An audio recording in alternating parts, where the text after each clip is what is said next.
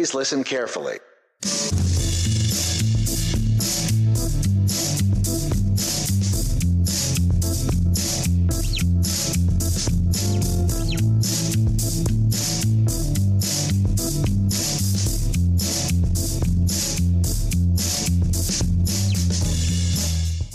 Hey guys, and welcome to our first show today.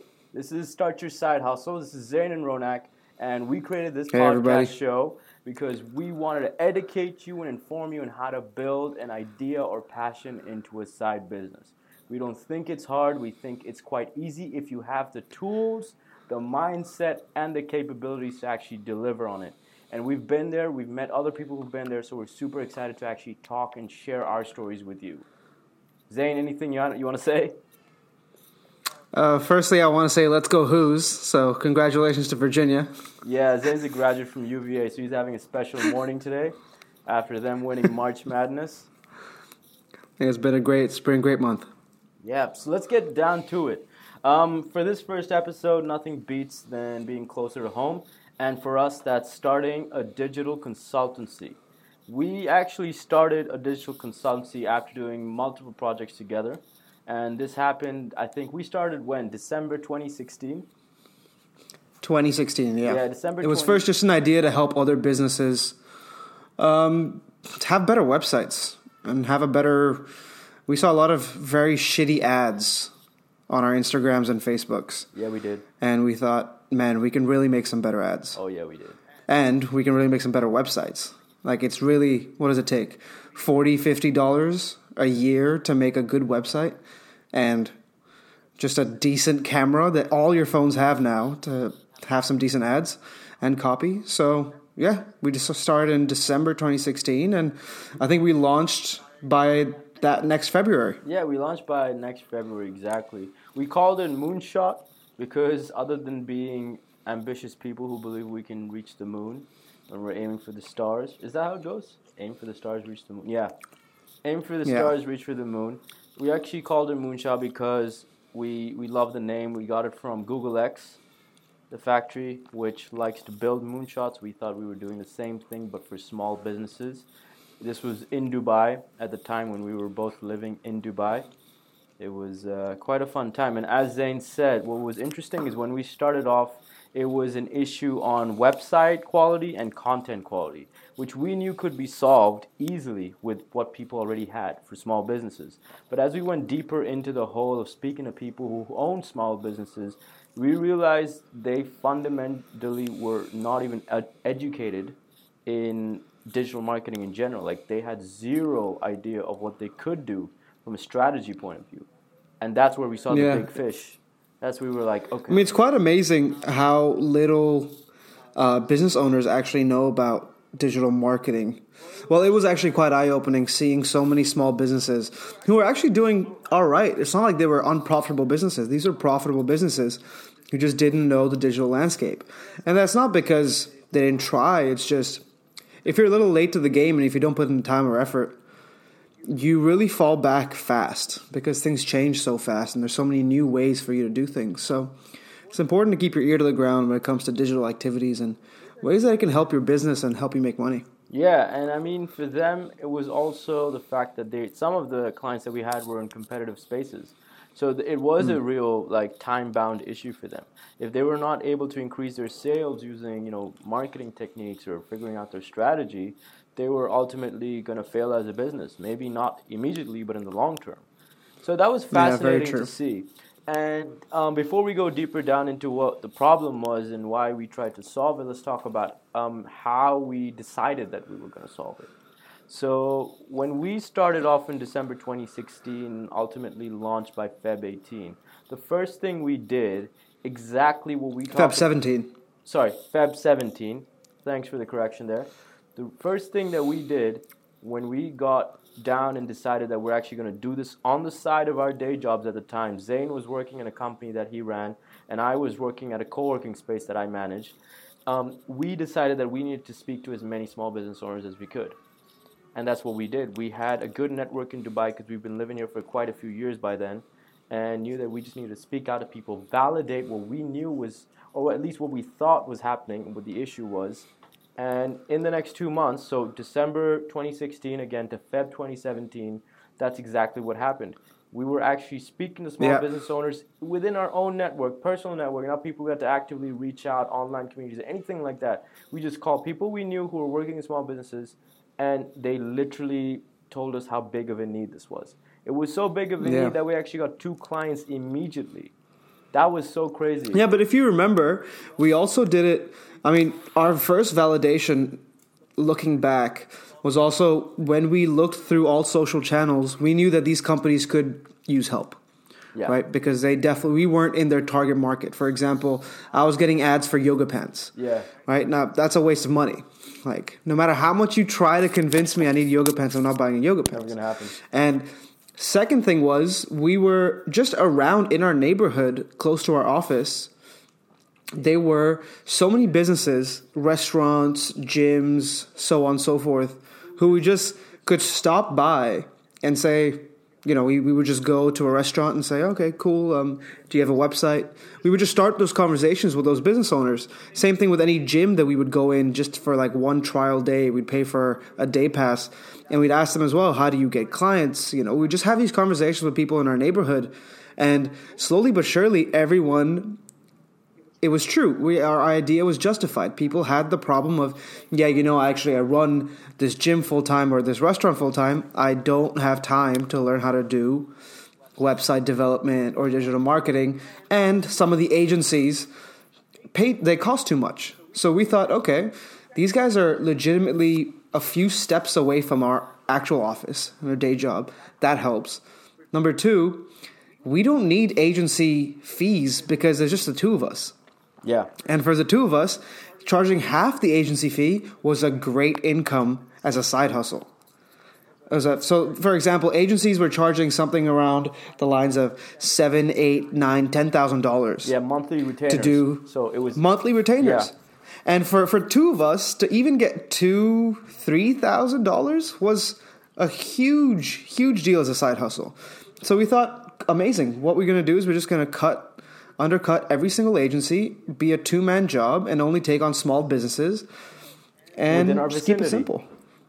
With our vicinity. Yeah, and that's and that's how it started. So we kind of exactly the, the, the point that I want to summarize here is we validated quite easily by reaching out within our environment rather than trying to get ambitious and looking around into the greater space.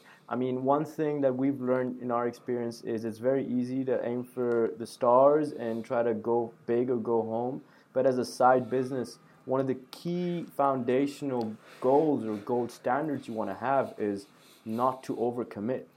If you're just adding another day job on top of your actual day job, you're just going to feel more frustrated and not really enjoy the process. What we were able to do, and what Zane said quite succinctly, was within our own environment, we found people that had an immediate need. So it was quite easy and accessible for us. It wasn't too much effort. But there was Yeah. some effort, and we'll talk about that right now as well. I mean, once we Yeah. um, kind of justified everything and validated it, it was amazing because we decided that, okay, we have a name, we're going to build this website. We created the website. I think the first week or two weeks, we were so amped that we just created so many, like, I don't know how much content and website and, and stuff we created that I don't know if we even used it, right? We were really amped. No, we just we just made content. We just wrote blog posts. We uh, did the website over the course of maybe a week, two weeks. Which, in hindsight, we probably didn't need to do. We just needed to go talk to these people. Really, we didn't even. Which is a big learning, I suppose. Yeah. That your digital presence only works when you're going outside your network and you're trying to expand. But for the first, let's say 10, 20, 30 clients, you don't need a website. You don't need those blog posts. You don't need a fancy Instagram. Actually, I don't think we ever connected our Instagram to anything in our emails. Yeah, I don't think we actually sent people to our own agency Instagram. I will go. One, we just I will one up that. I will one up that right now and tell you we didn't even like use our Instagram for half the time. No. Yeah, very true. I think we had six, seven posts in the lifetime of the whole business. Yeah, and that's that's a year and a half. Yeah. And and guys, We just did very basic things if you think about it. So I guess we're moving to execution. Because once we identified who these people are, and then we got the, I guess the questions that they asked us, we used those questions and made pitch decks. Yeah, so let's. Now we made these proposals and sheets that were kind of standard for what we assumed most clients would ask. And that was it. We just used that to keep churning to new clients, to people who ever ask, Oh, I heard you do AdWords or social media. Yes, we do. Exactly. Here, have a look at this thing we created way back in the beginning. That doesn't necessarily change too much. I think that's- once in a while we update it, but that's about it. Yeah, I think that's a massive insight for people in terms of when we talk about personal network and the personal reach out we did. What that essentially was was us talking a lot about moonshot Yeah. consultancy. It was literally for some of our conversations the first thing that came out of our mouths, and we said it in Very a way true. where it wasn't spammy, right? It was saying like, "Hey, I know you're doing this, and I know you're having this issue. We're just really, I think we can help you out. This is what we do." It was something that felt more informative and value driven than anything else. And when we kept on talking, talking, talking, and listening to people and talking some more within our personal network, without emails or Instagram or any of that crap, we actually got clients. It was cost True. effective by the factor of zero dollars spent.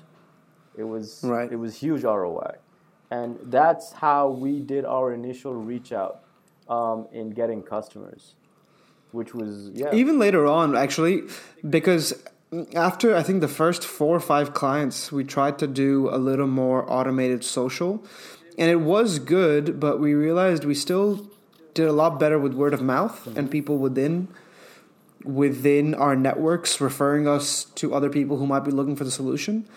And that varies from business to business, but I think when you're talking about a digital agency, word of mouth was something we realized was a very big referral source.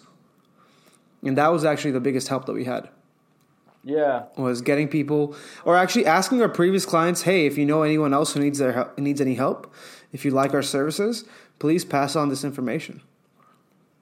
Yeah, which is exactly what happened. Right. So service businesses are very driven on social proofing. When they intend to outsource or get a consultant or get any, um, when clients intend to get any service business on board for any specific factor of their business, they really do look at references and how much social proof or authority you have. So the trust factor does need to be there.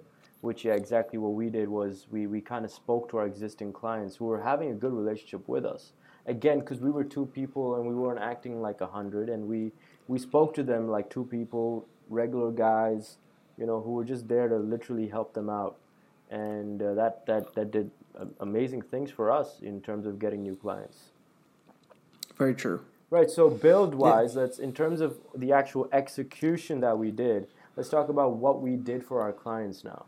Now, when when the actual load of work came, I think the I, I think by month three, I, I don't know, April or May 2017, we had two or three clients, and Right. we started getting you know real workload to handle. So that was digital marketing campaigns, workshops. We used to do workshops, remember, for, for the- the, yoga studio, and then Feels like a lifetime ago now.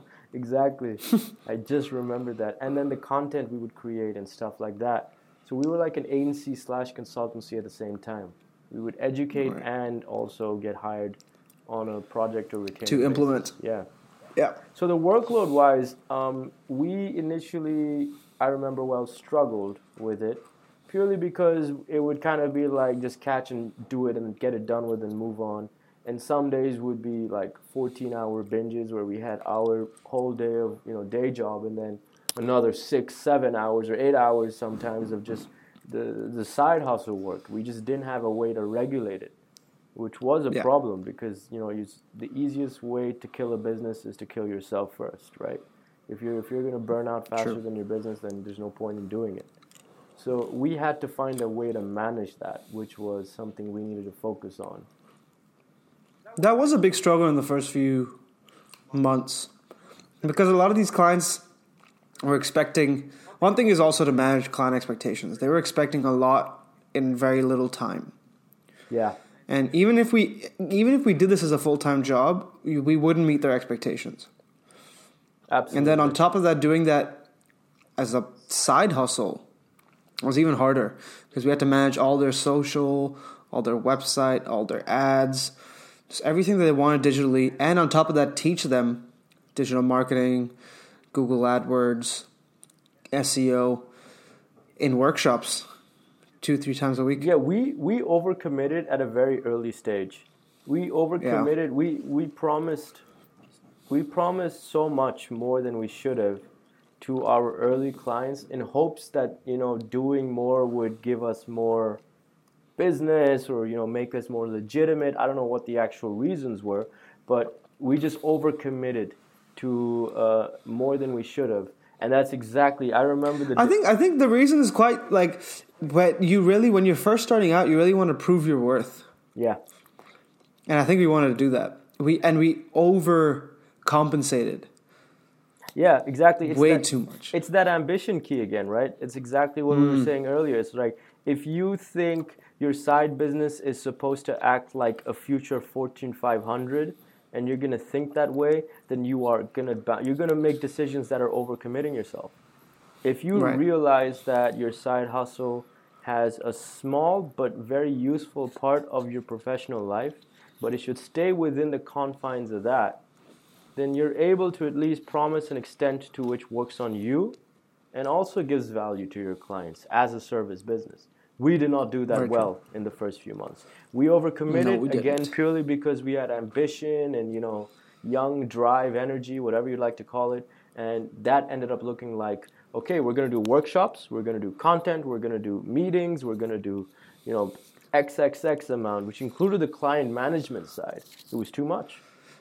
Yeah. At the same time, like I, I think it was a good learning, but I also don't fault us. We were 22, 23 at the time.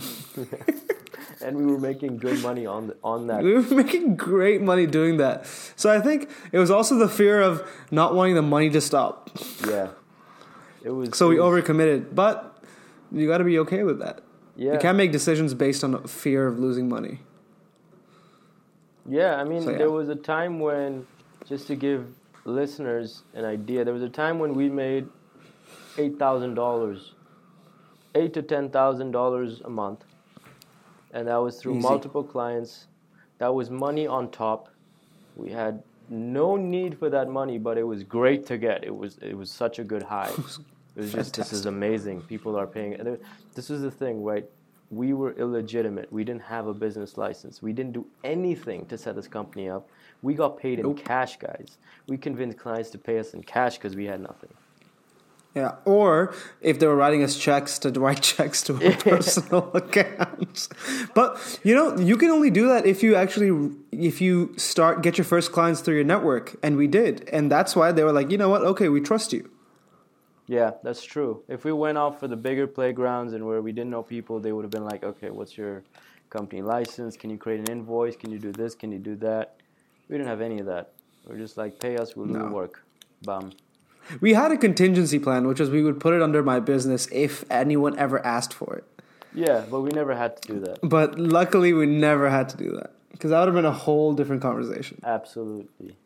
Yeah. So, I mean, licensing wise, um, unfortunately, with this example, we're not going to give you much on it. Obviously, we do have a lot of ideas for licensing because we both had to deal with it personally, and we will talk about in the future. But on the service business side, um, when it comes to starting out and finding your first clients, overcommitment is a classic mistake that we're seeing. It wasn't just us, it's a lot of people doing it. Not even side business, freelancers, it's also digital agencies that are actually running as a day job. People just starting it as their own shop. But when you're running it on the side, you are not having as much time as someone who's running this full time. So you have an equally limited amount of value that you can offer on the get. So really, really focus on what your expectations are for yourself as much as it is for your clients. Yeah, know your own boundaries, I think, is a big one. Where if you can only do social media and you're comfortable with doing that on your side, just do that. Hmm. You might not get clients in the first month, two months, three months, but it's a side hustle. You know, Yeah. you just got to keep going at it, and eventually one domino will lead to 10, 15, 20. But you have to trust the process. Yeah, You know, it's always the first sale. Once the first sale goes down, actually, I, I want to say it's the first three to five sales. Once that goes down, the rest becomes smooth sailing because now you can replicate what worked for the first one, two, three, four, five and do it again. And if not, then you really have to think what actually worked because whatever happened, the first five sales, you made them somehow. and whatever technique or method you used to make that, use that again and do it, replicate it. You don't have to reinvent the wheel. You know, you just have to think, how can I do this again and again and again? You know, don't fix what isn't broken. So just focus on the first one to one to five, let's say. Just focus on that. Small goals, one to five sales, whether it's in your network, whether you have to beg your your parents, your wife, your friends to, to buy it, do it, get feedback, and then continue building on that. Yeah, and I'll go one level deeper to what Zane said because that's this is insanely valuable, and it's something I've had to personally deal with, which is the uncomfortableness of reaching out. The uncomfortableness of reaching out and closing a sale is tough for a lot of people. Like it's it's it's insane how uncomfortable it can be. And when I started off in sales, luckily for me, I started off very early on, so I kind of got over this quite early on too. But I've seen a lot of people um, in my network and people that I've worked with through side hustles that have had to deal with this the lack or the inability of wanting to push themselves when it comes to talking, reaching out, and closing the sale. When you're doing Definitely. the small goal of trying to get one to five people to sign up with you as a freelancer or as a digital consultant, whatever you're doing as a side business, you have to make it a mission to block out time every day in your calendar, one hour to two hours, create a small pitch, like an elevator pitch, like three lines, and that's what you're going to share with people. Make it repetitive, make it mechanical, make it easier for you to do because this might be a new habit and this might be super uncomfortable. Make it so easy for you to do that over time it becomes comfortable. But the only way you can reach that time when it becomes comfortable is when you actually do it a certain amount of times. So slot it out in yeah. your calendar, create that repetitive statement, and push it out there. Doesn't matter if it's the perfect statement, just push it out there till you're able to start gaining that momentum of reaching out, thinking out of the box, and having those conversations. But that goes for everything too. People always think, "Oh, I'm going to start a business, and there's going to be a, a easy solution." Let's put it this way: if you diet once a week, if you eat healthy once a week, you're not going to have abs like in six months. You have to every day. You've got to eat shitty food sleep well, blah, blah, blah, and only then will it work. It's the same with anything. You know, you want to learn a language, you've got to practice every day. Yeah. You want to jump higher, you got to jump every day. I don't know why jumping, but you know what I mean? Yeah. Same thing with this. If you really want to make a sale, it will take maybe 30, 40, 50 days for you to do it every day before you make a sale. Maybe you'll get lucky and you'll get a sale in the first three days. That's great. But guess what? Two, three, four, five, might still take some time. So every day you've got to put in the discipline and work to do it. It's still a side hustle because you're only doing one hour a day. To be honest, you're probably going to watch a video or something on Netflix for an hour a day. Don't do that. Or stay up one hour later and sacrifice one hour of sleep. Make the choice. But nobody gets to a place where they want to be with ease. So make sure you put in the work to do that. It's very true. Yeah. You know, every day chip away at it. Yeah, absolutely. Um, let's talk about our time once we hit the first five clients, right? Once we reach that critical mass, let's call it, for our tiny, small consultancy, where we were creating a monthly recurring revenue we were happy with. We got a, a team, not, not really a team, a system in place on the hours and the work and how we would do it and everything. It was, we reached a place where we were able to automate quite a few things. So I don't know if you remember, but like we would be like on Tuesday and Thursday, we're gonna schedule out all the content for the fitness gym and the yoga studio and the retreat and the no and the, you know the aviation company that we were managing for, and those right. were our systems that we had in place that minimized all the mess and the time, and we were able to then come back to life, you know, where we had more time in the evenings, more time on the weekends. We ca- it was like. The, the, the journey was amazing because the first maybe six to eight months, it was hectic. It was crazy hectic, Very. right? It was yeah. two jobs, sleeping late, waking up early, doing both, just making it happen. Momentum, momentum, momentum. But then slowly, when we reached a place where we were very comfortable with the existing amount of clients we had, and we did not need to actively reach out, even though we talked about it, we were like, oh no, we need more, we need more. We never did it. We just felt right we came into a place where we could build a system around what we had. And then we reclaimed our lifestyle again. And that's yeah. something that's critical to a side business. The reason we did that was again, living that way, you know, creating a side business, making money, income, financial freedom, whatever you want to call it, is great and all, yeah. But there's no point in having all of that if you're slaving away.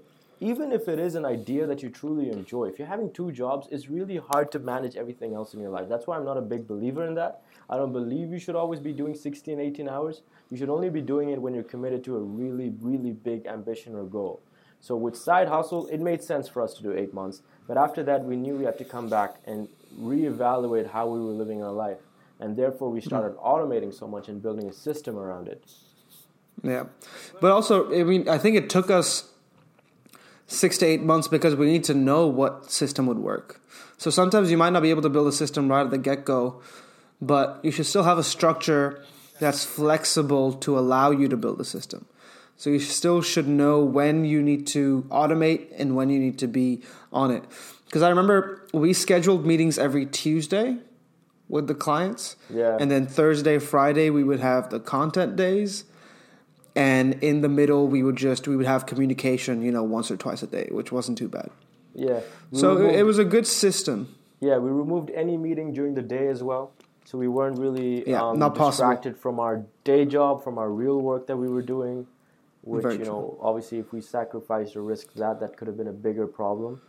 Then Yeah, and actually, we were very firm with clients after all these learnings that look, we can't do anything in the day. We can do it. These are our times. Yeah. Um, pick one, and we, you know, it was.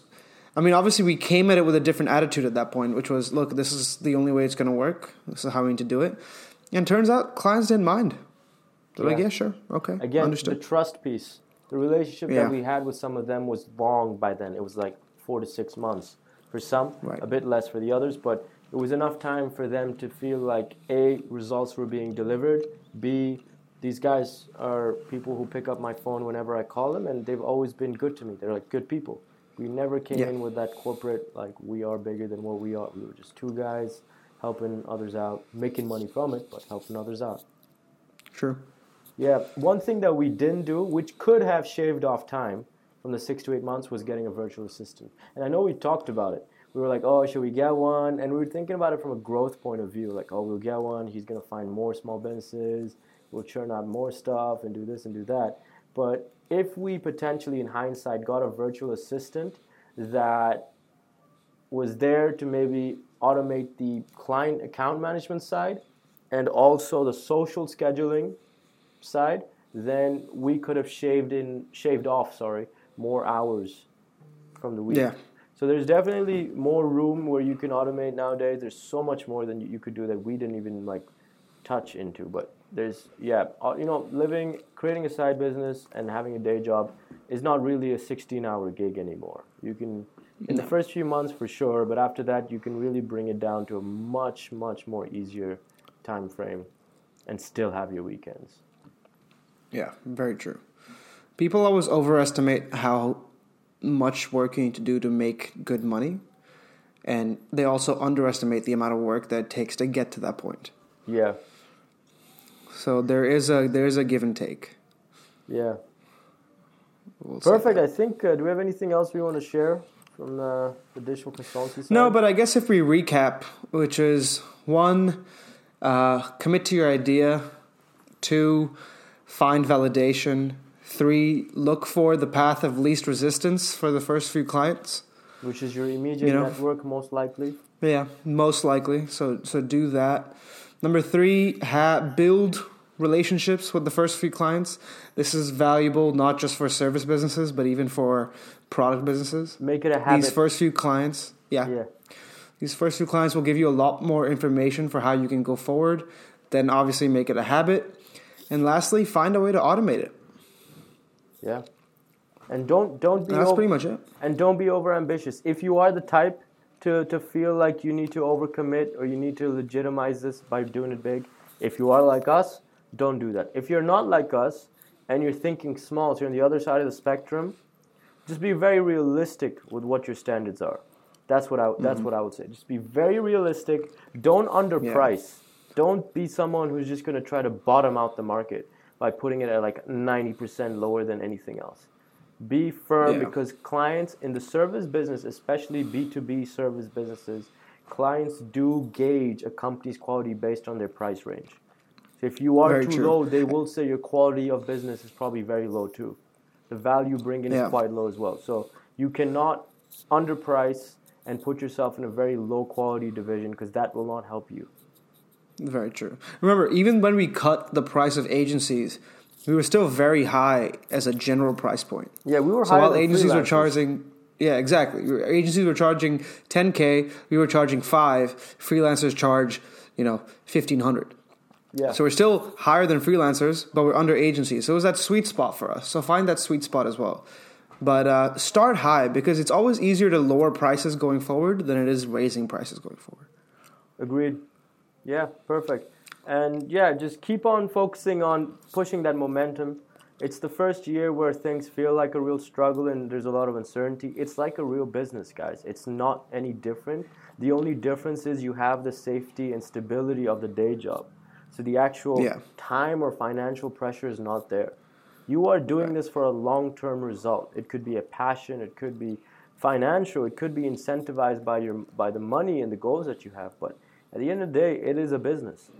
And it requires the same decision and mindset as a businessman who's starting a startup would.